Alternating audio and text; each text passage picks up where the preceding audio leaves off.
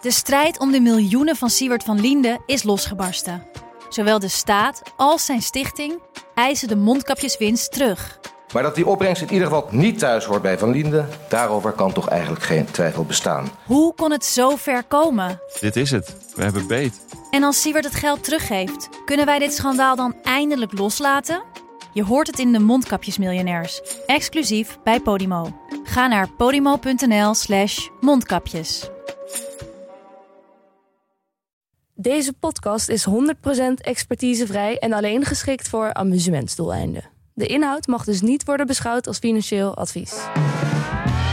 Dit is Jong Beleggen, de podcast. Ik ben Milou. En ik ben Pim. In deze aflevering hebben we het over kapitaalallocatie. Ja, wat doet het bedrijf met jouw geld? Ja, Pim leert je het kaf van het koren te scheiden als het op CEO's en CFO's Ja, aankomt. wij gaan het hebben over CAPEX, Return on Invested Capital, Goodwill. Ja, en daar ook heel veel voorbeelden bij hoor. Shell, Texas Instruments, Adyen. En als aanvulling op de podcast hebben we nu ook video's. Ja, wat een nieuws. We gaan beginnen.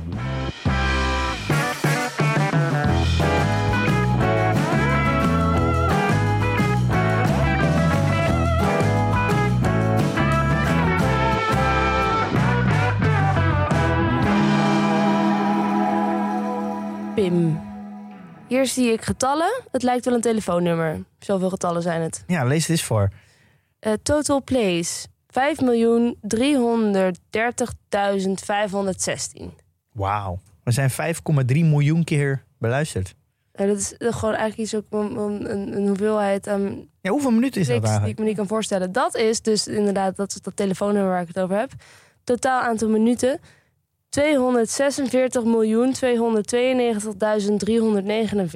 Een kwart miljard minuten is er naar ons geluisterd.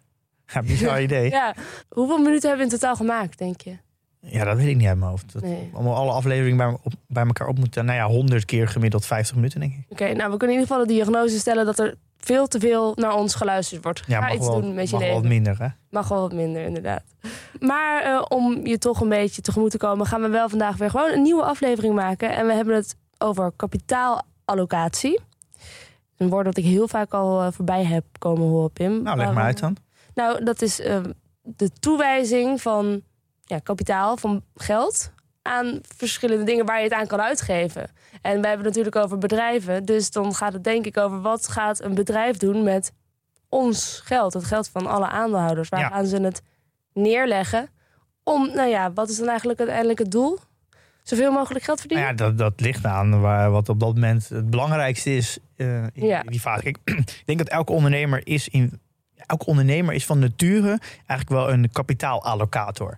Want als, als je een onderneming runt, dan heb je natuurlijk cashflow. Je- Dat, dat ga je ervan uit. Anders heb je weinig bestaansrecht, helemaal als, eh, als bijvoorbeeld MKB'er. Mhm. Ja, er komt geld binnen, maar je hebt constant de keuze. eh, ga ik het, wat ik overhoud, investeren in nieuw personeel, in eh, de cursussen van werknemers? Of Ja. ga ik een, bedrijf overnemen? Of ga ik een, in bijvoorbeeld een nieuw pand erbij doen, een nieuwe locatie? Je, ben, je hebt, staat constant voor de keuze, eigenlijk de hele dag door, van ja, waar, waar zit op dat moment het meeste winst? Of waar, Ja. kan ik, waar zit de groei? Waar, zit dat, waar moet ik me investeren voor stabiliteit? Dus je bent constant keuzes aan het maken. Waar ga ik die euro nu weer insteken? Ja, ja, maar je zegt eh, wat, het geld wat je overhoudt, dus de winst. Maar gaat het niet ook over gewoon het geld in het algemeen? Waar gaan, waar, wat doen ze met al hun geld? Ja, in principe wel. Maar je hebt natuurlijk gewoon heel veel kosten die zijn nou eenmaal al van tevoren. Dus begin van het jaar weet je al dat je dat kwijt bent. Daar kan je eigenlijk niet in spelen. Als je personeel hebt, dan weet je gewoon... Ja, dit, dit ben ik kwijt aan mijn personeel. Als je huur hebt, dan weet je... dit ben ik kwijt aan huur. Ja, maar we hebben het toch ook over hoeveel geld je naar research en development. Ja, maar dat is Huurt. natuurlijk uiteindelijk... Is dat de winst? Nou ja, dat is, als je daar, dat is niet echt noodzakelijk natuurlijk. Oké, ja. Eh, voor en nu, op lange termijn natuurlijk wel. Maar dat is natuurlijk een, kan je wel een beetje zien als de, de soort van vrije kaststroom die je, ja. die je dan hebt om zelf te bepalen hoeveel je daarin steekt. Maar je speelruimte. Ja, want je zou kunnen ook zeggen, ik ga nu een jaar geen, R- geen geld in R&D steken. Dat ga je denk ik op lange termijn, gaat dat wel pijn doen. Maar die keuze heb je in ieder geval. Je kan niet zeggen, ik ga dit jaar geen personeel betalen. Nee, nee. Nee. Ze Dus in principe zijn eigenlijk ondernemers van nature al kapitaalallocators. Ja. En ik denk dat elke ondernemer wel kent dat dat hij wel vijf ideeën heeft voor, voor de euro die hij wil uitgeven. Waar allokeer jij je geld het liefst als eh, ondernemer? Ja, dat, nou, nee, dat is wat ik altijd zeg. Ik, ik heb 1 euro en ik, heb, ik wil hem drie keer uitgeven. En dat gaat natuurlijk niet. Dus je kan stond, je nou ja, staat constant voor keuze. Bijvoorbeeld bij PDT, als we iets over hebben, dan ja, is natuurlijk constant waar gaan we dat in data steken, in het inkoop van meer data, omdat daardoor de datakwaliteit omhoog gaat en we ja, nog een betere dekking krijgen in alle portefeuilles van iedereen. Of gaan we dat geld steken in, in, in een nieuwe developer, zodat we nieuwe functionaliteiten ontwikkelen. Ja. Of gaan we daar meer tijd steken en geld steken in marketing om, Jezus, om te er kunnen zijn groeien? zoveel keuzes altijd. Ja, je bent de hele dag door eh, aan het nadenken waar ga ik nu weer mijn euro insteken. Ja. Dus je bent eigenlijk constant aan het allokeren. En je bent ook tijd aan het allokeren. Dus ook je eigen tijd van wat heeft dit op dit moment de meeste prioriteit? Waar zit de meeste, de, ja, de lange termijn de meeste rendementen? Ja. Of waar moet ik nu tijd steken om het meer stabiel te krijgen? Dus je bent constant aan het bepalen wat heeft op dit moment Ja. de meeste waarde. ja, dus eigenlijk is je bedrijf een motortje. Je kan het ook draaien aan verschillende schuifjes en schroefjes. Van oké, nu wat meer lucht toevoeren. Nu wat meer benzine, nu wat meer olie of zo. Weet je wel, zodat het zo goed mogelijk gaat Ja, lopen. ja, en je moet soms ook onderhoud doen. En Zo hard mogelijk. Ja, want als je geen onderhoud Ja. doet, dan kan het zijn dat het een keer helemaal fout gaat. Ja. Dat is eigenlijk de rol van een founder. Dus eh, in, in, bij kleine bedrijven is natuurlijk de founder ook de directeur. Eh, dat is eigenlijk de rol van een, van een CEO, Ja. een founder. Ja. En dit is, dus als we het even vertalen naar beursgenoteerde bedrijven, heb je dus de CEO, die, die bepaalt eigenlijk waar het geld naartoe gaat. Die doet de grote lijnen, de strategie. En dus eigenlijk die beheert in wezen eh, het jouw geld. En het lijkt me dat je nou, als bedrijf natuurlijk veel verschillende dingen kan doen. Jij noemde er zelf net ook al een paar. Dus het is niet, eh, het is niet één goed doel waar een bedrijf zijn geld in kan steken. Eh, nee, het ligt een beetje aan de fase. En dit maakt denk ik ook het ene kant beleggen maatwerk. En daardoor kan het dus ook niet echt door een computer gebeuren, denk ik. En ehm, je moet als belegger dus heel goed een management analyseren aan de hand van hoe hij of zij het kapitaal allokeert. Want een groeibedrijf, dat zal op een hele andere manier zijn kap- kapitaal allokeren dan een bedrijf dat al, ja, bijvoorbeeld in de consolidatiefase, waar eigenlijk een beetje de boel is gestagneerd Ja. en de markt een beetje vlak is, bijvoorbeeld de KPN. Die zal op een hele andere manier omgaan met kapitaalallocatie. Ja. En eigenlijk voor, je, voor, jou, voor jou als belegger is het heel erg belangrijk dat je begrijpt wat wil het management met het kapitaal, wat is het doel en wat is hun track record. En daar zit denk ik als het gaat over je goed management is belangrijk, is wat dit is wat ze ermee bedoelen. Dus hoe allokeert het management het kapitaal? Dat In relatie tot het doel. ja, dat is eigenlijk het, de key ja. Ja. om, om het management goed te beoordelen. Ja, ja. Eh, En, en jij hebt een, een soort grove scheiding gemaakt van dit zijn een paar doelen waar het bedrijf zijn geld naartoe kan allokeren. Als je het zo kan zeggen. Zullen we die even doorlopen, die vijf punten? ja, is goed. Ja, dan heb je de eerste organische herinvestering. Ja, dat is eigenlijk het, gewoon het, het, het herinvesteren in de organisatie, zodat het organisch groeit. Dus dat je, ja. dat je gewoon ja, ja, investeert in je organisatie door nieuwe producten, nieuwe innovaties, nieuwe mensen, nieuwe, nieuwe takken. Dat je dus eigenlijk organisch groeit of het verbeteren van het, van het product wat je al hebt, waardoor je meer marktaandeel krijgt. Eh, dus het organisch, Ja. het, het, stu- het stuwen van organische groei. Ik snap denk ik wel wat je bedoelt, maar heb je misschien ook nog een voorbeeld erbij? Want Ja, en ik denk dat een heel mooi voorbeeld. Nou, er zijn heel veel voorbeelden. Dit is eigenlijk. Ik ben heel erg fan van, van deze vorm. Ik denk dat de meeste beleggers dat wel zijn. Eh, nou, ik denk een voorbeeld is. eh, nou, gewoon alle bedrijven zoals een Walmart, een Basic Fit, nou, Starbucks. De, al die ketens. ja. Die, ja, wat die eigenlijk heel simpel doen. Die hebben een model. En dat is een, nou, bijvoorbeeld een Basic Fit is een sportschool. En dat model werkt in een bepaalde stad. Daar hebben ze een bepaalde metrics voor. Van nou, als we, als we zoveel, als we een nieuwe openen, duurt het zo lang voordat het winstgevend is of break-even. En eh, wat die eigenlijk doen is, die investeren dus gewoon in nieuwe filiaal, of filialen of nieuwe locaties. In andere, bijvoorbeeld in andere regio's of andere landen. Eh, en zo op manier stuur je eigenlijk de organische groei. Dus Ja. in die, die ketens, die, zijn, die is heel duidelijk. Eh, dus gewoon een nieuwe, loka een nieuwe Starbucks open in Rotterdam als die er nog niet is. Ik denk een andere, wat meer complexere voorbeeld is, is denk ik ASML. Die is natuurlijk constant aan het investeren in R&D. En Mm. daardoor kunnen ze uiteindelijk een nieuwe machine ontwikkelen. En dat zal misschien wel tien jaar duren voordat er vanaf het begin tot het eind, misschien wel 15 jaar, dat er een nieuwe machine komt. Nou, de, de farmacie-industrie, die natuurlijk een eh, nieuwe, eh, nieuwe medicijnen. Nou, bijvoorbeeld eh, de coronavaccin, waar ze heel lang mee bezig zijn, kost dan heel veel geld. Maar Ja. als het uiteindelijk succesvol is, dan ja, zit er Ja. daar ook, heb je een patent op een, een vaccin, heb je daar heel veel voordeel van. Ja, oké. dus het is vaak ook dan niet eens een keuze of je wil herinvesteren. Als je eenmaal op zo'n pad zit van het coronavaccin, dan moet je ook wel blijven investeren, anders heb je misschien niks.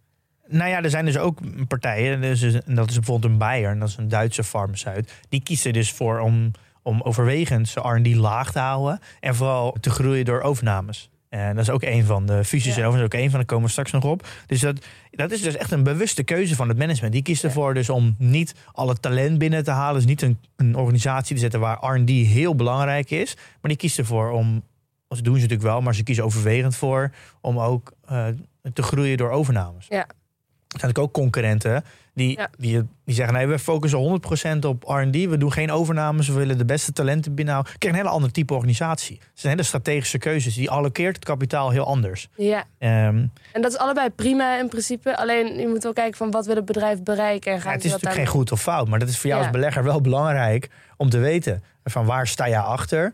Denk je ook dat het, als het management zegt: we gaan alles op RD doen intern. Denk jij wel dat die organisatie, dat hij een organisatie kan neerzetten waar ook talent wil werken? Ja, zie je dat, zie je dat talent blijft? Wat is de, de rating van het management, van het personeel op het management? Zie je dat, er, dat ze goed betaald worden? Zie je geen slechte berichten van? Want dat heeft allemaal weer te maken dan voor je toekomstige verdiencapaciteit. Ja. Dus eh, je moet heel goed kijken hoe allokeert het bedrijf zijn geld. Dan weet je ook een beetje hoe je dan verder het bedrijf moet analyseren. Ja. Bijvoorbeeld Adyen, die kiest er ook voor. Dat hebben we het ook gehad met de aflevering met Duco. Kiest er bewust voor, we doen geen overnames. Daar is management heel duidelijk in. Geen overnames. Dat betekent dus alle groei moet dus komen vanuit het team zelf. ja. Omdat je het huidige platform wat je hebt ontwikkeld uitbreidt en nieuwe producten aan toevoegt. Nou, dan is dus cultuur en het, het hiren van mensen de key in je strategie. Dan ga je dus ook Adyen ook beoordelen op wat is de bedrijfscultuur. Lukt het om ze nieuwe mensen binnen te halen? ja, ja. Eh, Dus het, dat- waar zij hun kapitaal allokeren, dat geeft voor jou ook aan waar jij je aandacht moet allokeren. Ja, want het zou toch heel raar zijn als, als Algen zegt... we gaan eh, focussen op organische groei, we gaan nieuwe producten ontwikkelen... maar ze, ze steken niet heel veel geld in het hiren van mensen. Eh, en je ziet dat het, eh, als er dus mensen weggaan... en er komen niet meer mensen bij... dat het bijvoorbeeld gelijk blijft aan mensen... dan klopt het niet. Ja. Eh, dat is trouwens ook een van de kritiekpunten van Adyen... omdat ze graag organisch willen groeien. Maar over het algemeen het personeel...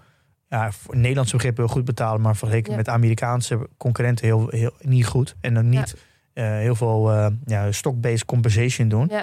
Dus dat is een kritiekpunt van Adyen. Van ja, als je dan organisch wil groeien, dan moet je ook de allerbeste mensen Ja. kunnen vasthouden. Want als je die niet kan vasthouden, en dan heb je wel een probleem. Ja. Dus dan het complete verhaal moet kloppen. Ja, je kan niet A zeggen en B doen. En Ja. dat, dat kun je dan in. Dat, moet je, dat haal je heel erg Ja. uit eh, de kapitaalallocatie. Ja. En je noemde het ook al even, fusies en overnames. Dat is het tweede punt, hè? Ehm, ja, nou goed, dan ga ik een mooi bruggetje. Fusies en overname is natuurlijk een hele bekende. Ook wel de M&A, dus de merger and acquisitions. Yes. Eh, die zie je ook vaak op de, in, eh, in de jaarrekeningen staan, M&A. Over het algemeen is niemand hier fan van. Dit is volgens mij, nou, het is een beetje de onderzoeken vers- verschillen, maar tussen de 60 en de 80 procent, ze zeggen vaak twee derde van de overnames mislukt gewoon. Wow. Gewoon mislukt. Ja. En dan wil dan niet eens zeggen dat dan als dat een derde succesvol is, maar die, die kan je dan bestempelen als oké. Dus Ja. dit- een overname te bestempelen als echt succesvol, die komt zelden voor. Daarom zie je vaak ook als er een overname wordt aangekondigd, dat de beurskoers altijd zakt en dat de beurskoers altijd stijgt van degene die ze overnemen.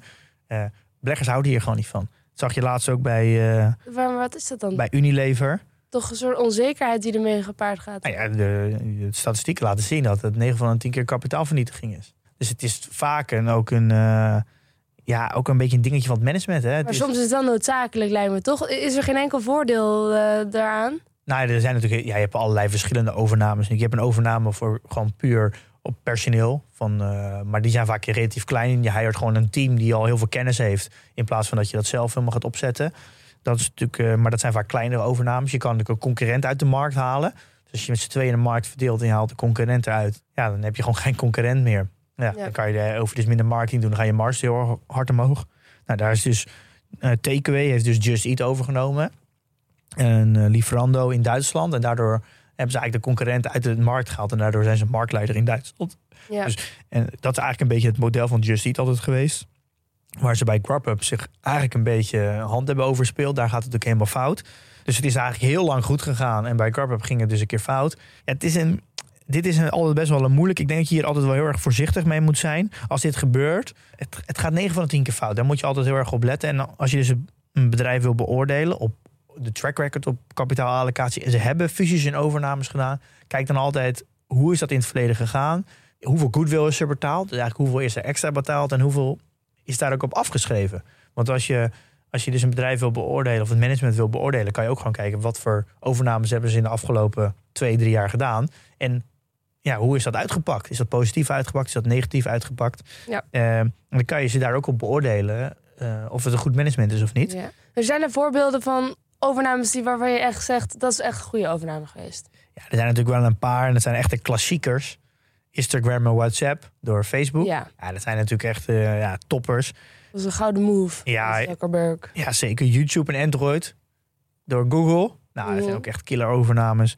Eh, ik denk ook wel LinkedIn door Microsoft. Ja. Ook heel sterk. Dus wat opvalt is dat het vaak niet eens echt hele grote concurrenten of zo zijn. Ze doen niet hetzelfde, maar het is allemaal een toevoeging aan het grotere concept. Ja, een 9 van de 10 keer. eh, Ik en ik denk dat dat ook de overnames zijn die vaak het beste werken. Is dat je een, een overname doet die niet letterlijk wat jij al doet, maar dat je daardoor eh, het, het meer eraan kan plakken en jezelf kan verbreden. Dat is wat je, wat je vaak ziet als succesvol. Eh, en als, het, als je letterlijk iets overneemt wat jij al doet, dan is het vaak veel moeilijker. Ja. Ehm, interessant. eh, nou, ik denk dat Just Eat ook wel een aantal goede voorbeelden heeft. Zoals eh Lieferando, ik denk, en de overname van Just Eat zelf. Dus eh, de overname Takeaway heeft Just Eat ook overgenomen en, en Lieferando. Dat zijn denk ik hele goede voorbeelden van goede overnames. En natuurlijk Booking door eh, Priceline is natuurlijk ook een eh, geweldige overname. Ja. Een van de meest succesvolle overnames ooit.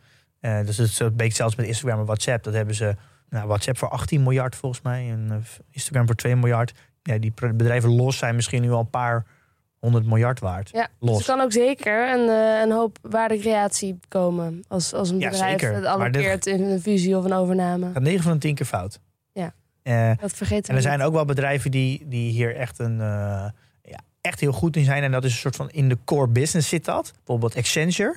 Ik weet niet of je dat kent. Dat Ja. is, eh, die, doet, die neemt gewoon 50 bedrijven per jaar over. Ja, dan is M&A ja, eigenlijk de reden waarom je in het bedrijf investeert. Dus die, die hebben gewoon zo'n goed M&A-team. Die zijn zo ervaren in het overnemen van bedrijven. Ja. En je belegt eigenlijk in Accenture met het idee... Het zijn toch een soort consultants? Ja, ze is vooral een beetje in de digitale hoek. Ja. Nou ja, ook eh, eh, Constellation Software uit Canada. Die doet iets van 100 overnames per jaar. Topicus uit Nederland. Mhm. eh, komt uit Deventer volgens mij. Eh nemen ook heel veel... Ze eh, zijn daar gewoon heel goed in. Ze zijn ja, dat, maar dan, Ja. je belegt ook in die drie bedrijven die ik net noem. Ja. Om één reden is dat zij al het geld allokeren in M&A.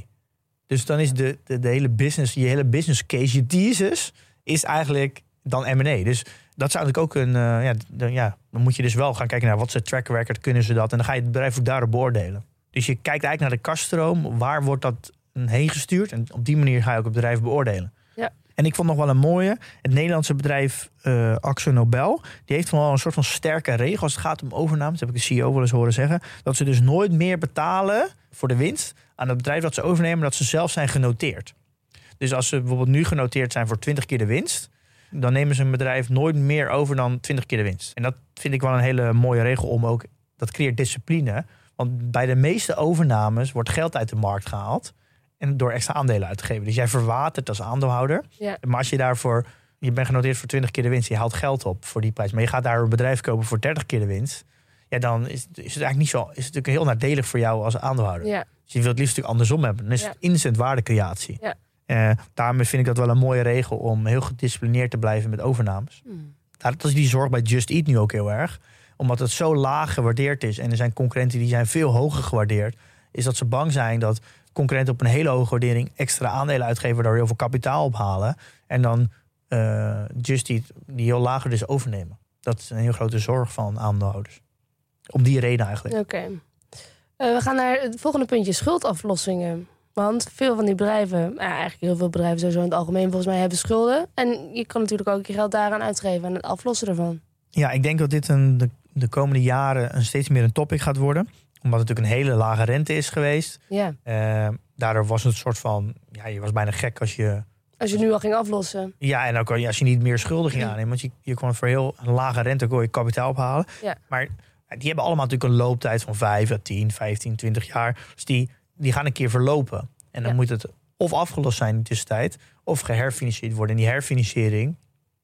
die kan zomaar eens heel duur uitpakken. Ja, Ehm, die rente zo dat ga je nu nog niet zien, maar dat ga je in de, de komende tijd wel zien. En dat, is, dat is, merk je bij de, de, de delivery, food deliveries, Ja. Just Eat en Deliver Hero. Die gaan er echt wel op korte termijn wel tegenaan lopen, omdat die gewoon veel obligaties hebben uitstaan tegen relatief lage rente. Maar die moeten dat straks gaan herfinancieren tegen veel dat hogere rente. best wel slim zijn om als je nu wat geld over hebt om dat weet je, af te lossen. Omdat je anders straks tegen hele hoge rente aan zit. Ja, en dan heb je natuurlijk ook nog een heel belangrijk onderdeel is de, krediet, de kredietbeoordelaar. Dus de, de, de Moody's, de S&P en de Fitch. Eh, die beoordelen jou, je geven jou een kredietrating. En een kredietrating is, wordt eigenlijk bepaald hoe gezond is je organisatie. Ja. En hoe, eh, hoe groot is de kans dat jij je geld uitlent... dat de, dat de obligatiehouder dat ook terugkrijgt. En hoe eh, lager het risico is, hoe, hoe lager de rente is.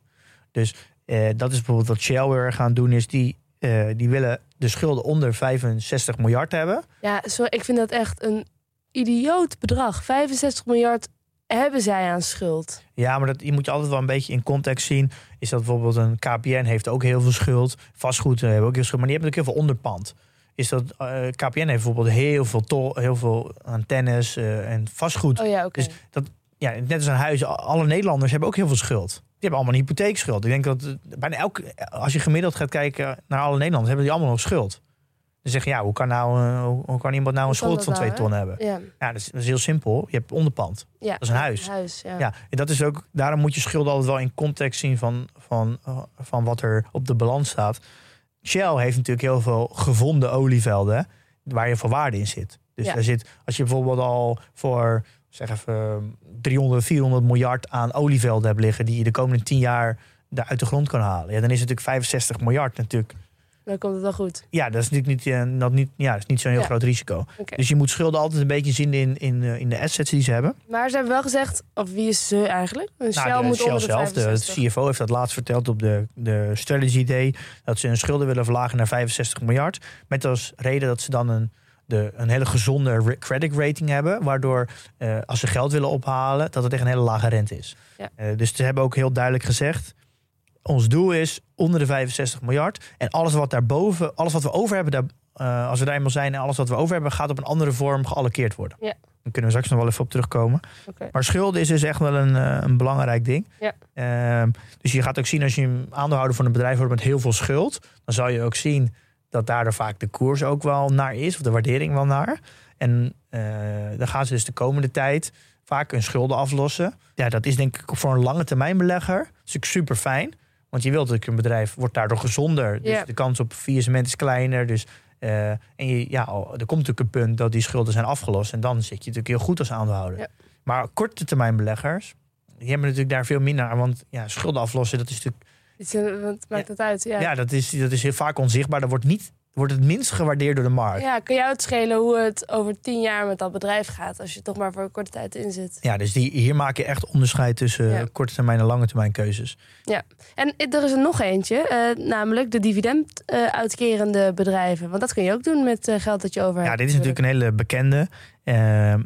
Lijkt me ook heel korte termijn dan. Want daar maak je aandeelhouders dan blij mee. Tenminste, bepaalde aandeelhouders die daarin zitten voor het ja, dit is echt wel een ding. Vooral in Amerika is dat echt een cultuur. Dividendbeleggers, inkomenbeleggers. Jij was ook even een dividendbelegger. Ja, ik was er ook een.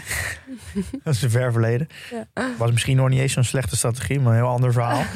Ehm, ja, die hebt natuurlijk de Dividend Aristocrats. Daar hebben we natuurlijk een aflevering over gemaakt. Ja, dividend is wel echt een dingetje, is omdat dat. eh, ja, er zijn heel veel mensen leven van, van die inkomen. Die, die beleggen in deze bedrijven om de dividendinkomsten. Want daar leven ze dan van. Die inkomsten, daar, ja, dat geven ze uit om een huur te betalen om te eten. Ja. Eh, ja dat is echt wel een, eh, ja, een, een belangrijk deel voor, eh, voor, ja, voor bedrijven. Helemaal als ze een track record hebben opgebouwd. Maar je kan toch ook wel spreken dat het ook wel een beetje ideearmoe. Van ja, het is lekker, ja, ook een beetje dom, hè? Want ja, je, je verdient geld, je geeft het gewoon gelijk weer terug. Ja, Ehm, dat is wel een beetje, hoe ga je daarmee om als, als CEO? Eh, soms zit je vaak in zo'n lange track record dat je eigenlijk dat niet wil breken Ja. en daardoor eigenlijk niet meer verstandige keuzes maakt. Want als de koers heel laag staat, om wat voor reden dan ook, dan is het eigenlijk beter om één jaar te kiezen. We doen even geen dividend, maar we gaan bijvoorbeeld het geld nu in een eh, in, in share buybacks doen. ja Of, eh, maar riskeert de CEO dan dat mensen weglopen? Ja, zeker. Want ja, heel veel En dan aan- gaan we dan meer dalen. Ja, eh, ja, en je maakt je als aandeelhouder of als CEO niet populair, want je Nee. breekt een record. Dus het is wel, ik vind, dividend is over het algemeen wel goed. Maar je merkt toch wel dat als bedrijven heel lang dividend betalen en dat track record willen vasthouden, dat, je, dat ze vaak toch wel een keer in de problemen komen. Want de, de percentage wat ze uitkeren aan dividend, dus de payout ratio, die gaat lopen over jaar vaak op als de omzet niet hard genoeg meegroeit. Ja. Dus op een gegeven moment wordt natuurlijk de, ja, de, de vet op de botten die je hebt, wordt steeds kleiner. En het risico dat je dat eh, dividend blijft betalen, wordt steeds groter. Dus er komt vaak dan wel een punt dat, dat nou, zie je bij Shell, die dan, ja, die dan toch een keer stopt. En ja, Ja. dan eh, krijg je een flinke knauw in je koers. De CEO wordt natuurlijk totaal niet populair. Maar soms zijn dat wel de betere keuzes. En eh, vooral voor de lange termijn beleggers is het veel beter. Maar korte termijn beleggers zijn daar niet blij mee. Nee, oké. Eh, Ja. En ik wel een hele mooie bekende is dat eh, Steve Jobs heeft altijd gezegd... ik ga geen dividend uitkeren. Ik heb daar ook een stukje op de website gezet. Kan je er even eh, kan je een stukje over lezen. Mhm. Hij was er altijd heel duidelijk in. Ik ga geen geld teruggeven aan aandeelhouders in vorm van dividend. Ehm, die wilde gewoon altijd cash. Hij zegt, ja, ik, ik, wil, ik heb liever een bedrijf met 40 miljard cash op de, op de, op de balans... dan, helemaal, dan alles teruggeven aan divi- in dividend en geen cash heb. ja. Het is, Apple is veel, een veel stabieler, veiliger bedrijf met cash. Want daar kunnen we wat mee. Eh, en Jeff Bezos heeft ook al het begin af aan gezegd...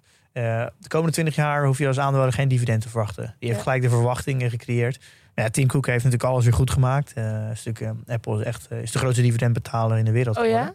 Dus Tim Cook heeft dat besluit teruggedraaid. Ja, die heeft dat heel snel teruggedraaid. En daardoor heeft hij natuurlijk zich als CEO heel populair gemaakt met share buybacks en dividend. Maar daardoor zou je ook wel kunnen zeggen over een echte lange termijn. Dat misschien wel eh, dat je daardoor echt de innovatiekracht van Apple en zo er wel een beetje uithaalt. Mhm. Al blijft het altijd wel natuurlijk, sommige bedrijven verdienen zoveel geld, zoals Apple, dat, het, dat ze eigenlijk gewoon alles kunnen doen. Eh, dus je ziet in zo'n extreme luxe dat, ze, ja, ja, dat er gewoon te geld over is. Ze kunnen ook gewoon de prijzen van opladers en oortjes en eh, telefoons een beetje naar beneden doen, toch? Ja, dat zou. eh, ja, maar dat zou, dat zou, ja, nou, ja, dat zou zomaar kunnen. Als, als de concurrentie beter wordt, dan, ja, dan zullen ze dat uiteindelijk wel moeten doen. Ja, oké.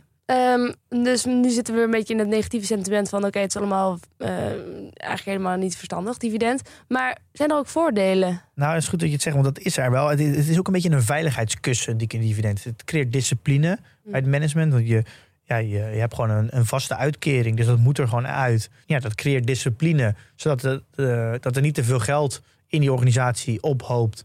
dat daar gekke dingen mee gebeurt. Mhm. Dus het, ja, soms heb je ook als ander, ja, geef maar mij, want dan heb ik het in ieder geval en dan ga ik er wel verstandig mee om. Dus het creëert wel een beetje een discipline en natuurlijk een veiligheidskussen eigenlijk. Dat als de koers kan dan nooit heel ver zakken, omdat het, het dividend als dat soort van vast is, dan heeft dat een soort van veiligheidsmarge, want die krijg je altijd. Dus als de koers flink zakt, dan heb je altijd nog rendement. En dus dat kan je eventueel weer herbeleggen in hetzelfde aandeel. Dat noem je dan drip. Eh, dat je je dividend gelijk om weer omzet in aandelen. Daarom zie je ook dat dividendaandelen over het algemeen een lagere beta hebben, minder zoveel zakken, omdat het een soort van veiligheidskussen is. Ja. Dus dat, dat he- het heeft ook wel voordelen. Daarom is, zijn dividendbeleggers ja, niet per se heel vast bezig. ook. Heel vast, want als de Ja. koers heen en weer gaat, maakt ze vaak niet uit als het dividend maar blijft. Ja. Eh, dus het is wel een ja, het is wel wat defensievere vorm van beleggen. Ja. En het creëert discipline van het management. Dus er is ook wel wat van te zeggen. Oké, En soms kan je ook wel zeggen dat ja, KPN, ja, ja, die heeft helemaal niet zoveel investeringsmogelijkheden. En dan moeten ze dus nieuwe markten aanboren, heel veel risico nemen. Ja, dat, ik wil helemaal niet als aandeelhouder dat ze dat doen. Het risicoprofiel van KPN moet defensief blijven. Dus keer het maar aan mijheid als aandeelhouder. Ja. Eh, ik bepaal zelf wel eh, als ik het weer wat offensiever wil beleggen. Maar dat, dan ga ik liever het beleggen in een, eh een Adyen of een CM.com of iets. Of bio, een biotech. Maar dan dat jij als CEO eh, met dat mijn geld eh, wat Ja. risico's gaat nemen in KPN. Ja. Eh, dus dat, zo kan je het ook bekijken. Je wil als, als aandeelhouder bekijk je natuurlijk al in je hele portefeuille. En je hebt een beetje geld in KPN, heb je een beetje geld in CM, een beetje geld in Adyen. Dus soms is het gewoon heel verstandig om te zeggen... als het geld bij KPN verdiend wordt op een defensieve manier... dan ga, geef het maar mij. Dan ga ik zelf dat weer op andere manier allokeren... binnen mijn eigen eh, risicotolerantie. Dus er is Ja. natuurlijk ook best wel wat van te zeggen. oké. Ehm, tot slot is er nog een, een laatste die we nog niet besproken hebben. En dat is het aankopen van eigen aandelen. En jij zegt, deze is misschien wel het meest verkeerd begrepen. Iedereen is hier het meest fan van, omdat over dividendbetalingen. Daar betaal je belasting, dividendbelasting, over de hele wereld. Dus er gaat gewoon een heel groot gedeelte gaat natuurlijk gelijk naar de staatskas. En dat effect heb je dus niet bij eigen aandelen. Dus het is een betere manier voor aandeelhouders omdat er geen belasting over betaald wordt. Je bedoelt, ehm, Wat, heb, wat heeft een aandeelhouder er, er dan aan? Nou, de, je, je De koers gaat omhoog als er eigen aandelen Mm, ingekocht worden. Nou, niet direct dat de koers naar omhoog gaat. Dat is vaak wel het effect. Maar zeg dat je 100 aandelen hebt uitstaan en je hebt 100 euro winst. Dan heb je dus 1 euro winst per aandeel. Ja, Koopt het bedrijf 50 aandelen terug. Dan zijn er nog maar 50 a- uitstaande aandelen. En als het bedrijf nog steeds 100 euro winst maakt. Dan verdien je in één keer 2 euro per aandeel. ja, Dus je, aan, je winst per aandeel is verhoogd. ja. Met precies. 100% Belastingvrij. Maar, dus, maar dat is natuurlijk meer een ratio. Is dat alleen maar. De winst is nog steeds hetzelfde. De winst is nog Ja. steeds 100 euro. Maar als je, voor jou als aandeelhouder heb je net dubbel zoveel Ja. winst. Omdat, er, omdat je het maar over minder mensen hoeft te verdelen. Ja. Daarom zijn aandeel, het van aandelen zo interessant. En dat is ook wat het management vaak doet. Omdat het namelijk de metrics, de ratio's, kunstmatig eigenlijk verbetert. Ja. Want het kan zo nog steeds zijn dat de winst gelijk is en de omzet is gelijk. Maar dat het, de winst en omzet per aandeel verhoogd is. Ja. Dat zijn vaak ook de metrics waar, en de criteria waar bonus op worden uitgekeerd. Dus daarom zijn, Oh, zijn dus als die metrics verbeteren, dan krijgen die managers een hogere bonus. ja, dus daarom zijn ze, is het ook vaak zo dat eh, het management daar heel erg fan van is. Ja. En het voordeel is, je kan het ook aanzetten en uitzetten. Dus je kan zeggen, we, we kopen nu eigen aandelen in. En nu zien we dat eh, de koers weer wat hoger is. Of de onzekere tijd. Dan stoppen we er weer mee. Dus het is een Ja. heel, flexibel, eh, heel flexibel. Maar wat er- wordt er dan verkeerd begrepen? Maar er zit één hele grote maar. Oké, Dat is wel, en mijn ervaring is heel erg dat er totaal geen discipline is in deze techniek. oké. Je wil natuurlijk eigen aandelen kopen wanneer je jezelf ondergewaardeerd vindt. Ja. Eh, als, als jij overgewaardeerd bent, ga je je eigen aandelen niet inkopen. Nee. Want, je, je wil, want in Nee. principe is, het- is het management dan eigenlijk ook een belegger, maar dan een belegger in zichzelf. Ja. Eh, als het bedrijf overgewaardeerd is, dan wil ik niet dat ze eigen aandelen inkopen. Dan wil ik juist dat ze het geld eh, investeren in andere dingen die beter renderen. Ja. Soms kan een, een herinvesteren in personeel beter renderen dan eigen aandelen kopen. Of het iets overnemen of schulden aflossen heeft een hoger rendement dan je eigen aandelen inkopen als je overgewaardeerd bent. Het is heel belangrijk dat het management eh, dus een eigen waardering toepast op de organisatie. En dan alleen maar aandelen inkoopt onder dat niveau. ja. Als bijvoorbeeld een. En eh, dat doen ze dus niet altijd. nou, dat doen ze dus nooit. Want wat er dus altijd gebeurt, we hebben een aandeleninkoopprogramma en ze kopen gewoon maar. Oh. En dat zie je bij Facebook laatst ook. Die heeft ja, de gemiddelde prijs die ze hebben betaald om eigen aandelen in te kopen, is zoveel hoger dan de koers nu. Mm. Van kapitaalsvernietiging. Het is Ja. gewoon heel dom. En ja, ik denk dat daar. Van, is het echt is het domheid? Of, ja, ik vind het eh, echt heel dom. Ik vind het, ik vind het gewoon kapitaalvernietiging. Maar waarom zouden ze dat doen dan, denk je? Ja, zijn niet het natuurlijk- daar? ja, omdat het een groot bedrijf management. dat heel goed loopt al jarenlang. Ja, omdat het management natuurlijk. eh, Bonus wil. Nou ja, ik heb, nee, het is misschien een beetje overdreven, maar het is, ja, het, het is gewoon een hele makkelijke manier om aandeelhouders te pleasen en om, eh, om zelf er ook wat beter uit te komen. En ik denk dat een, iemand die echt voor de lange termijn in zit, denk ik, Warren Buffett is denk ja, is een perfect voorbeeld. Die is gewoon heel duidelijk dat als hij zichzelf ondergewaardeerd vindt, dan koopt hij gewoon heel veel aandelen terug.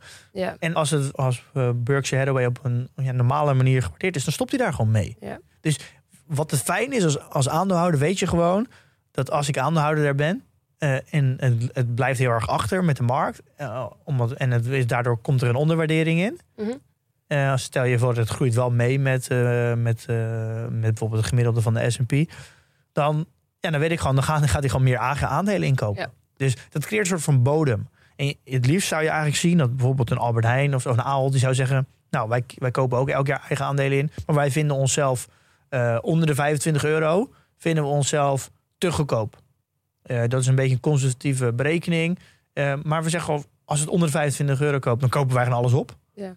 Eh, en dan weet je gewoon, dat aandeel, dat aandeel gaat nooit onder de 25 euro komen. Want dan heb je gewoon een extreem grote koper in de markt. Ja. Dat creëert een bodem. En dat creëert ook discipline. Ja. En dan weet je gewoon dat ze ja, nooit meer gaan kopen als het daarboven is. Maar als het onder weet je gewoon dat het op gaan kopen. Want dan is het een, een hele goede investering. Ja. Dus zo zou je eigenlijk, vind ik, om moeten gaan met share Ja, buyback. dat is wel eentje wel goed in de gaten te Ja. houden dan. Als je weet dat eh, je bedrijf waarin je misschien wil investeren dit van plan is. Ik vind dat het bijna altijd fout gaat. En het probleem zit er namelijk altijd in... wanneer hebben bedrijven nou veel geld over als het heel goed gaat? Nou, als het heel goed gaat, staat de koers heel hoog. Ja. Gaat management dus heel veel aandelen inkopen, heel duur. Sommige bedrijven reageren toch wel een beetje op een economische cyclus. Nou, wat gebeurt er? Binnen tien jaar krijg je toch weer een cyclus. Gaat het wat slechter met het bedrijf, maakt het wat minder winst, gaat de koers naar beneden. En dan heb je dus heel aandelen heel duur ingekocht toen. Eh, heb je nu kapitaal nodig, wat ga je doen? Ga je een emissie uitgeven om kapitaal op te halen en doe je dat op een lagere koers. Ben je dus heel duur je eigen aandelen in het kopen, ben je dus heel goedkoop in de markt Ja. aandelen tegen lage koers geld het ophalen. En heb je kapitaal vernietigd. Ah, het is kapitaalvernietiging. Dit zie je zo vaak gebeuren. Dit onderscheidt heel goed management. Er zijn er maar een paar die dit heel goed kunnen. Ik denk dat Warren Buffett een hele bekende. ehm, de, de CEO van Home Depot uit Amerika. Dat is een beetje de, de gamma van Amerika. Is daar ook heel bekend in. Eh, je, je hebt hier heel veel discipline voor nodig. En dit werkt naar mijn idee alleen als, een, als, er een aandeel, als er een CEO is die hier heel lang zit. Hm. Als je maar vier, jaar- vier jaar zit, dan zie je vaak dat ze in die vier jaar tijd gewoon heel veel aandelen inkopen. En dat is allemaal dan uit eigen interesse. Ja, omdat het dan op korte termijn gewoon een hele makkelijke manier Ja. is om, eh, om de koers omhoog te krijgen. Nou, goed om te weten dit, lijkt me. Is er een, een extreem voorbeeld van waar het echt mis is gegaan? Ja, er is natuurlijk één voorbeeld en die ja, IBM. Dat is. je, je, je- Wat is ook alweer? IBM is natuurlijk de, de, een van de eerste bedenkers van de computer. Oh ja. Ja, een soort van een beetje de, de personal computer. Mhm. Maar die hebben tussen 1995 en 2019 in totaal voor 201 miljard eigen aandelen ingekocht. 201 miljard. Ja. 8 miljard per jaar in de afgelopen 25 jaar. Ja. aan eigen aandelen ingekocht. Ja. Dus dan zou je zeggen, het bedrijf moet sowieso meer zijn dan 2,1 miljard. Want dat hebben ze uitge- uitgegeven om, om aandelen in te kopen. Het bedrijf staat nu, is nu genoteerd voor 122 miljard. Jezus, dat is bijna iets meer dan de helft nog, is dat dan? Ja, dus Van je- 201 miljard naar 122 miljard. ja, dat is toch bizar? Oh, Dat is allemaal gewoon, dat is gewoon poef, in rook opgegaan. ja, ze hebben, ja, dat is toch bizar? Ja. Je moet echt als aandeelhouder ver weg blijven van zulke soort CEO's en zulke soort bedrijven. Want dit is die vernietigen gewoon kapitaal voor jou. Altijd. Is er geen uitzondering. Dat het een goed idee kan zijn. Ja, nee, het Een is zeker een goed idee. Als ze, als ze gedisciplineerd mee omgaan. Dat ze zeggen, als wij een onderwaardering kopen we in. Ja, ja, maar het is nooit een goed idee om het bij een hoge koers te doen. Nou ja, een koers kan nog steeds het all-time high zijn. En nog steeds zijn, dat kan het bedrijf ondergewaardeerd zijn. Ja, ja. Maar daar moet dus wel een interne waardering plaatsvinden. Waar je zegt van nu stoppen en nu gaan we inkopen. Ja. En dat is, ik hoor bedrijven dat nooit echt doen. Nee. En Warren Buffett is daar wel heel duidelijk in. Ik vind dat veel meer, dat is sowieso een algemene opmerking vind ik. Ik ga zo bij wat voorbeelden. Dat bedrijven over het algemeen, vooral CEO's, heel weinig delen over kapitaalallocatie. Veel te weinig. En ik denk dat dit veel meer, dit is hoe je het management beoordeelt. En ik denk dat dit misschien nog wel belangrijker is. Nou, is misschien een beetje overdreven, misschien even belangrijk als je, als je moot van een bedrijf.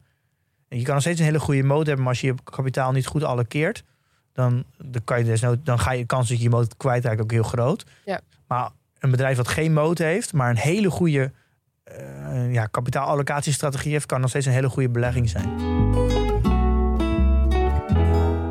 Oké, dus dit zijn dan eh, de vijf punten. Dus eh, ik zal ze nog even doorlopen. Organische herinvestering, fusies en overnames, schuldaflossingen, dividendbetalingen en aankopen van eigen aandelen. Als ik hier zo dan naar luister, dan hoor je wel een beetje een schifting erin tussen dingen die voor de korte termijn echt behulpzaam zijn en die dingen die echt voor de lange termijn Ja. inzicht hebben. Ja, dat klopt. Je, je merkt ook als, bij aandeelhouders dat het. Ja, daar wordt, deze vijf technieken worden ook altijd gebruikt in discussies met het management als het slecht gaat of als het goed gaat. Als het heel slecht gaat, dan, dan wil iedereen. Ga nou eigen aandelen inkopen. Ga nou dividenden. Allemaal kort termijn, kort Ja. termijn. Want dan is investeren in, in het bedrijf wat over vijf jaar gaat renderen. Dat willen aandeelhouders niet. Ja. Dat merk je bij Just Eat ook. Iedereen heeft alleen maar, ga nou eigen aandelen inkopen, omdat het nu laag staat. Ja. Alleen maar kort termijn, kort termijn. Dus je merkt wel dat deze, dat de allocatie van het geld, eh, eh, kan je heel erg zien of het bedrijf een korte termijn of een lange termijn strategie heeft. Ja. Ehm, en het ook wel een goed punt is dat je, eh, elk bedrijf heeft vaak een soort van capital market day of een strategy day. Een beetje, eh, iedereen noemt het anders. Maar daar presenteren ze, of horen ze eigenlijk altijd de kapitaalallocatiestrategie te presenteren. En daar vertellen ze wat, hoe gaan ze met het kapitaal, wat overblijft, hoe gaan ze het investeren en wat is het doelen daarvan. Ja. Dus het is altijd heel belangrijk om dat goed te volgen. Want dan heb je een beetje een idee wat ze Ja, van plan zijn. En dan kan je ze ook een soort van accountable houden als dat ze dat ook daadwerkelijk doen. Ja, oké. Dus hou dat Ja. in de gaten. En ehm, dan heb ik ook nog het idee dat er bedrijven zijn, bijvoorbeeld dus zo'n Just Eat Takeaway, dat is nog steeds founder-led. En je hebt eh, managers die misschien voor die korte termijn persoonlijke winst gaan, omdat ze er maar vier jaar bij zitten. Ja, je ziet over het algemeen wel dat de bedrijven die founder-led zijn, dat die alleen maar lange termijn doen. Vaak alleen maar organisch investeren. En dat, dat er komt een punt als die groei wat minder wordt, of de investeringen die liggen steeds verder in de toekomst dat de aandeelhouders steeds meer gaan klagen. Die willen dan vaak share buybacks en dividenden. Dat zie je natuurlijk bij Steve Jobs voorbeeld. Dat de aandeelhouders alleen maar begonnen te klagen. Ga nou dat geld eens een keer uitkeren aan aandeelhouders. Met de vorm van dividend en eh, Ja. share buyback. Nou, bij Jeff Bezos begint dat nu ook te bonken. En op de deur, je merkt wel dat, dat als bedrijven eenmaal die founder-led eruit gaat. Dus er komt een manager. Dan zie je dat er vaak best wel een, een periode is dat het, dat het heel goed met het bedrijf gaat qua koers. Mhm. Omdat dan in één keer al het geld eh, naar de aandeelhouder gaat. Zie je bij Tim Cook. Ja. Eh, alleen dan kan je ook wel weer zeggen dat dat werkt heel goed voor een zeg vijf à tien jaar. Want die nieuwe, die nieuwe manager, die CEO, die kan nog heel goed profiteren van het fundament wat een founder heeft neergelegd. Want het wordt een soort van cashmachine dan. En die Je gaat. kan gaan genieten van die groei van alle Ja, maar je merkt wel dat dan die volgende fase. Dan moet het bedrijf zich echt wel weer een beetje gaan herpositioneren, Ja. heruitvinden. Eh, want die eerste echte manager, die heeft het een beetje uitgemolken. Dat Want is ze die- zijn gaan investeren meer in de koers dan in het bedrijf. Gewoon heel erg gefocust op, eh, op korte termijn Ja. rendementen. Ja. Dat is toch wel een patroon die je heel vaak ziet. Dus het is wel een, eh, je merkt er echt een, echt een verschil. Ja. Eh, je, je, je ziet ook niet snel een bedrijf wat founder-led is, dat dividend uitkeert of eigen aandelen inkoopt. Dat zie Nee. je echt bijna niet. Nee, nou, nee, laten we even kijken. Bijvoorbeeld Founderlet, Adyen in Nederland. Nee. Nee, dat doen geen, maar gaan ze ook voorlopig nog niet doen volgens mij. Hè? Want Nee. zij zijn altijd heel erg bezig met het research en development. eh, ja, heel erg. Ja, net het mooie is dat ze dus al, eh, ze hebben volgens mij drie jaar geleden een outlook gegeven van we gaan 30, een beetje high 20s, low 30s groei doen. Dat hebben ze echt drie jaar geleden eh, voor een outlook voor vijf jaar gegeven. En nu zijn we drie jaar verder en die outlook is nog steeds hetzelfde. Wat betekent high 20s, low 30s? Groei. Eh, dus we hebben hoog 20, laag 30 procent groei per Ja. jaar. Dus dat betekent eigenlijk dat ze, als je nu terugkijkt naar drie jaar geleden, dat ze eigenlijk al acht jaar lang een outlook hebben voor, ja, voor die groei. Ja. Dat, die groei hou je natuurlijk alleen maar vast als je ook daadwerkelijk blijft herinvesteren. Ja. En dat is natuurlijk de, dat is wat een founder vaak ziet. Die ziet die groei, die ziet die innovatie, die, die, Ja. die wil graag dat geld constant herinvesteren, omdat hij alleen maar kansen ziet. En Ja. ja. dat is natuurlijk ook het verschil tussen een manager en een founder. En ja. daar hebben we het natuurlijk wel eens eerder over gehad. Ja, dat is ook de reden waarom eh, als je belegt in een bedrijf wat founder-led is, dat je wil zien. Je Ja. wil zien dat het groeit. Je wil zien dat, er, dat het uitbreidt, dat het nieuwe producten ontwikkelt. Ik wil helemaal niet dat Adyen dividend gaat uitkeren. En, Nee, nee, nee, want het dat zou is- ook een soort ideeënarmoede aangeven, en dat is ook toch? niet de teases van... Van, heb je niks beters te doen met je geld? ja, dat is ook niet het, het- de reden waarom ik in dat bedrijf zit. Ja. Als ik wil dat het geld terugkeert aan aandeelhouders... dan ga ik wel in een ander type bedrijf zitten dan Ja. Adyen. Pim, stel dus dat ik nu een bedrijf wil gaan uitzoeken... eh, waarvan ik weet dat het management aan goede kapitaalallocatie doet. Eh, waar, hoe kom ik daar dan achter? Ja, dit is natuurlijk. Ik denk dat dit het allermoeilijkste is. Dit is denk ik de key in beleggen. Als het gaat om het, onderdeel management beoordelen. Je wil zo ten eerste kijken naar de return on invested capital.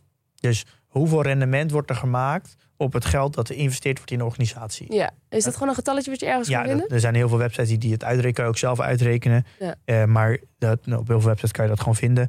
Dat is eigenlijk het rendement dat gemaakt wordt op elke euro dat er herinvesteerd wordt. Ja. Als er maar 4% rendement wordt gemaakt op elke herinvesteerde euro.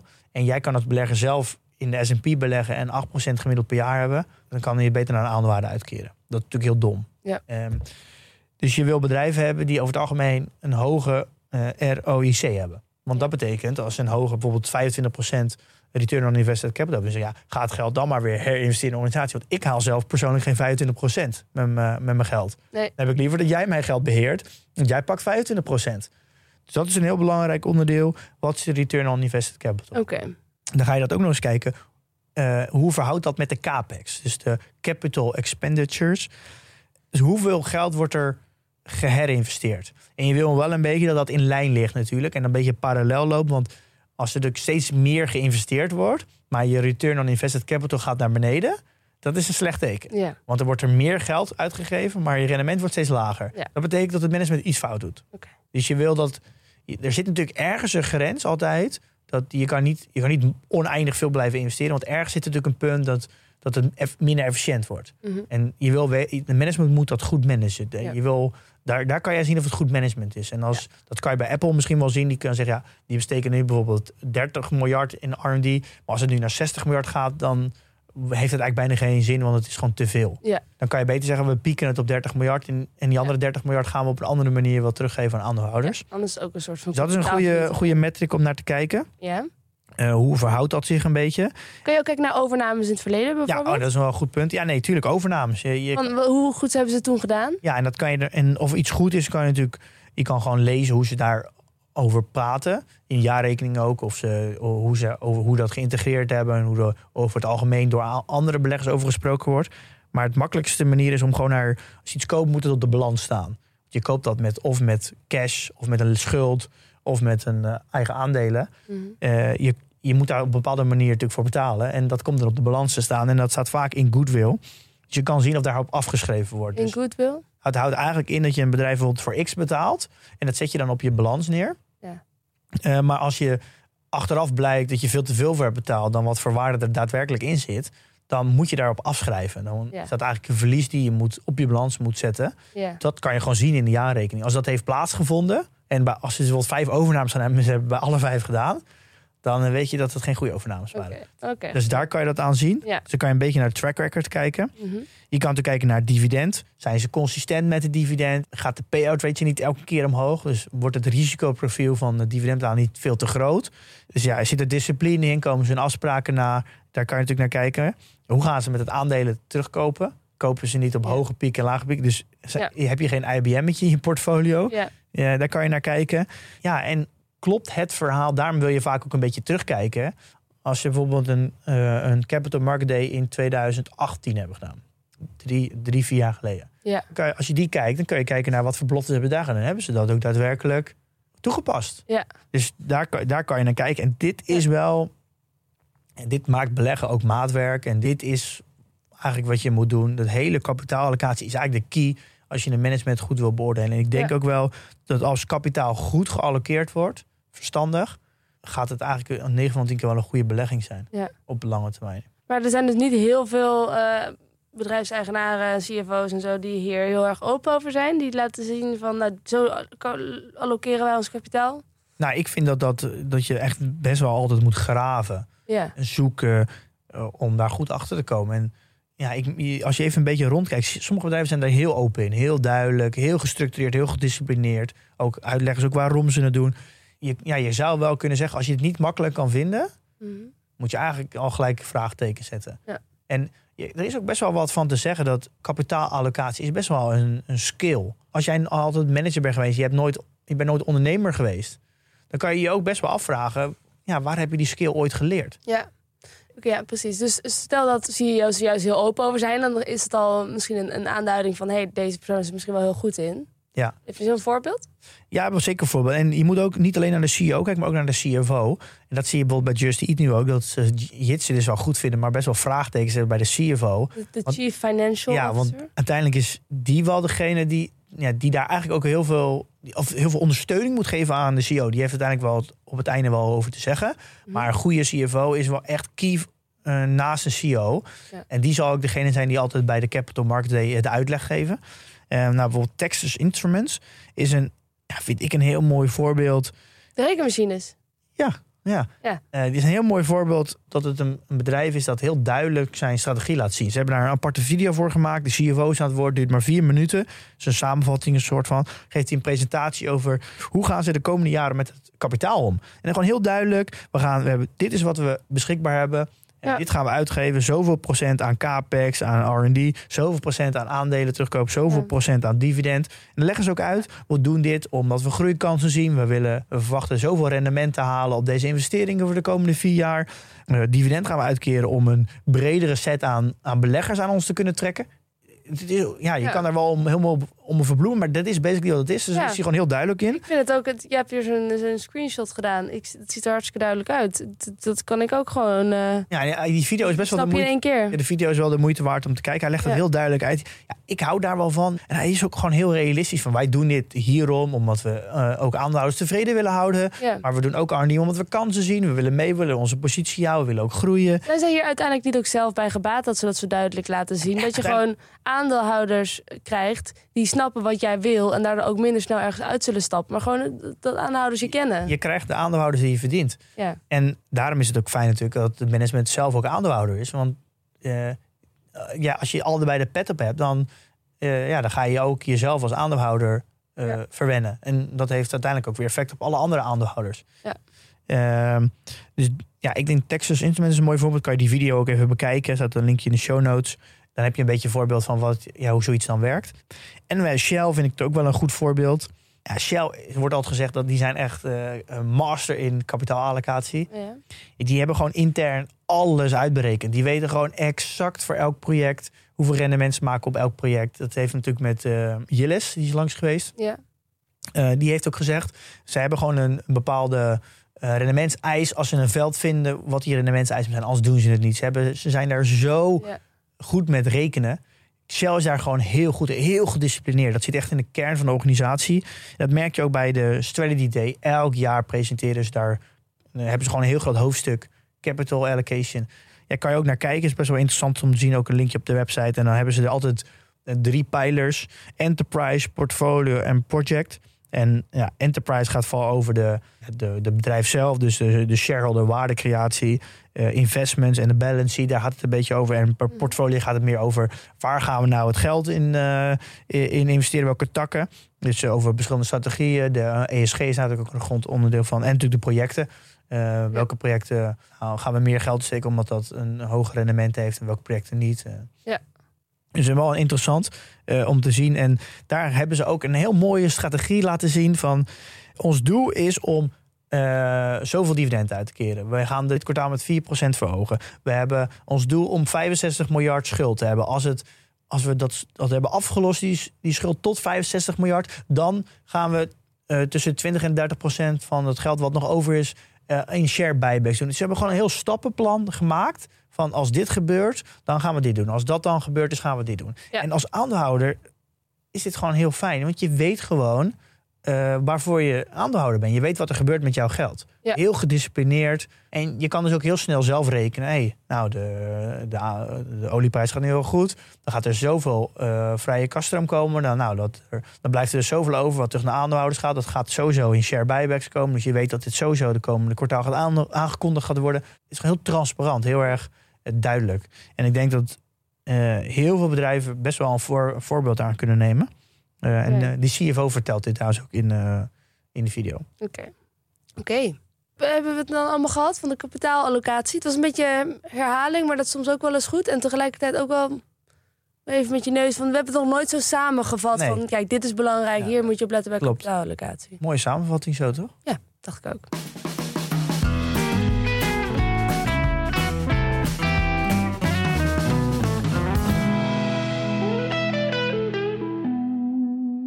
Pim, wij zijn vooralsnog eh altijd heel veel audio. Audio, audio, audio. Audio is king, laat ik het zo zeggen. Ja, dan kijk, ik doe het niet zo goed op beeld. Jij wel, maar Nou, ik weet ook niet hoe goed ik het op beeld doe, eerlijk gezegd. Ehm, het is niet voor niets dat ik achter een microfoon zit. Maar er is wel iemand die het heel goed op beeld doet. En die nu eh, nou ja, is gaan samenwerken met ja, ons. ja, wat meer context te geven. Ja, even Ehm, context. goed, we, gaan, eh, we zijn video's gaan maken. Ja. En dat komt ook een, een beetje door dat we... Ja, we merken ook in de community dat er heel veel vragen zijn. Vooral als het gaat om waarderen. Ehm, hoe lees je een jaarrekening, een balans en een kaststroom? Hoe waardeer je nou? Ja. En dat werkt gewoon niet zo lekker met audio. Nee, want je ziet het gewoon allemaal niet voor je, nee, weet dus je ja, en door een balans heen lopen eh, en met audio is het gewoon niet zo handig. Nee, het is best wel overzichtelijk, denk ik, om af en toe hier en daar een grafiekje bij te hebben. En ik zit achter mijn laptop en ik zie die grafiekjes dan die jij erbij zet. ja. Maar mensen die gewoon luisteren en niet meteen in de show notes kunnen kijken, ja, dat is natuurlijk. eh, Ja, dus er zijn, audio, audio heeft zijn voordelen eh, dat je in de auto kan luisteren onderweg. Dat je Ja. nog een tweede activiteit ernaast kan doen.